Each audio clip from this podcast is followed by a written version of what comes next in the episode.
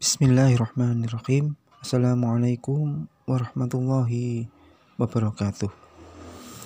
Alhamdulillahirabbil wassalatu wassalamu ala asrafil anbiya'i wal mursalin wa ala alihi wa sahbihi ajma'in amma ba'du.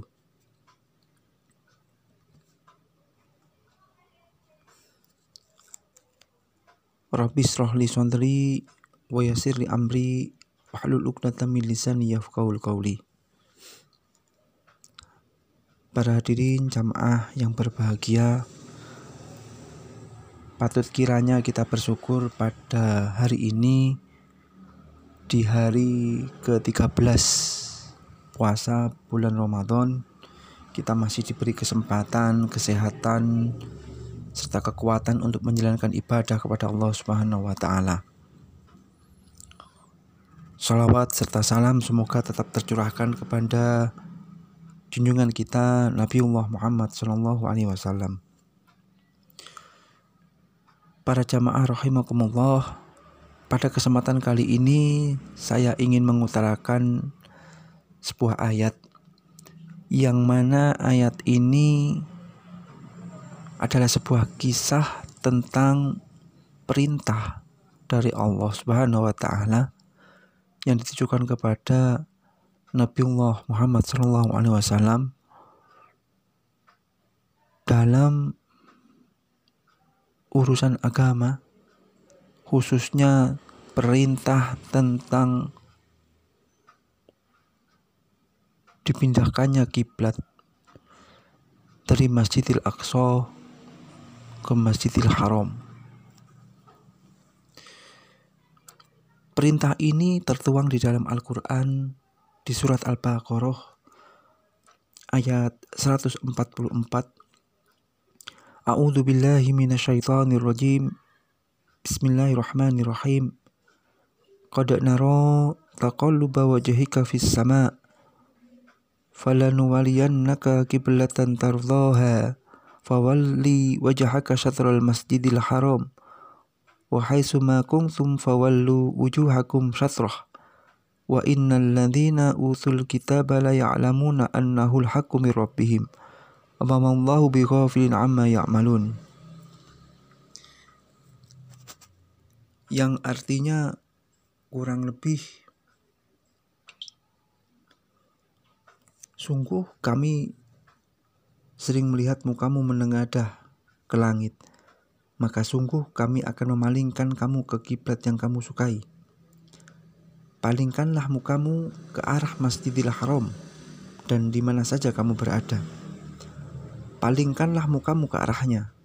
Dan sesungguhnya orang-orang Yahudi dan Nasrani yang diberi Alkitab, Taurat dan Injil memang mengetahui bahwa berpaling ke Masjidil Haram itu adalah benar dari Tuhannya dan Allah sekali-kali tidak lengah dari apa yang mereka kerjakan. Ayat ini menarik jika dikaitkan dengan asbabun nuzulnya. Ada sebuah riwayat yang menyatakan bahwa perintah untuk memindahkan kiblat dari Masjidil Aqsa ke Masjidil Haram di mana Nabi Muhammad saat itu meminta berdoa kepada Allah kurang lebih 10 bulan. Ada yang mengatakan di riwayat yang lain mengatakan kurang lebih 16 sampai 17 bulan. Yang menarik adalah ini bisa menjadikan sebuah motivasi bagi kita bahwasanya berdoa itu harus terus-menerus, berulang-ulang, konsisten istiqomah hingga terkabulnya doa kita. Dan yang menarik lagi adalah seorang nabi kekasih Allah ternyata doanya tidak dikabulkan serta-merta pada saat itu juga. Doanya tidak langsung dikabulkan pada saat pertama kali nabi berdoa. Itu yang menarik. Itu yang menjadikan sebuah contoh bagi kita, motivasi bagi kita bahwa seorang nabi saja itu membutuhkan waktu, seorang nabi saja membutuhkan proses agar harapannya tercapai. Apalagi kita selaku umatnya, apalagi kita yang bukan nabi, yang penuh dosa, yang belum dapat jaminan dari Allah mendapatkan surga. Tentunya kita harus lebih termotivasi, lebih sering berdoa agar apa yang kita inginkan segera tercapai. Padahal doa yang diucapkan, yang diharapkan oleh Nabi Muhammad SAW adalah hal yang baik. Ada hal yang itu berkaitan dengan umat, membutuhkan proses yang lama, 16 sampai 17 bulan.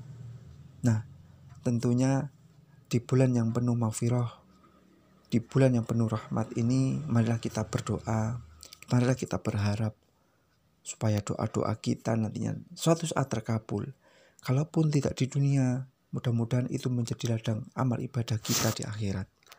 Karena doa sesungguhnya hanyalah sebuah sarana penghambaan kita kepada Allah, penghambaan kita kepada Tuhan kita semesta alam, bahwa kita mengakuinya, kita mengimaninya, dan berdoa adalah sebuah pengejawantahan dari sebuah keimanan yang kita yakini selama ini. Mudah-mudahan kita senantiasa berdoa meskipun doa kita belum terkabul, meskipun harapan kita belum tercapai, tapi mudah-mudahan istiqomahnya kita berdoa, konsistennya kita beribadah, suatu saat akan melapangkan harapan-harapan kita di masa yang akan datang. Demikian yang dapat saya sampaikan. Semoga menjadi pencerahan, semoga menjadi hikmah buat kita semua, dan semoga bisa menjadi ladang amal jariah buat saya pribadi dan anak cucu kita nantinya. Amin ya Rabbal 'Alamin. Assalamualaikum warahmatullahi wabarakatuh.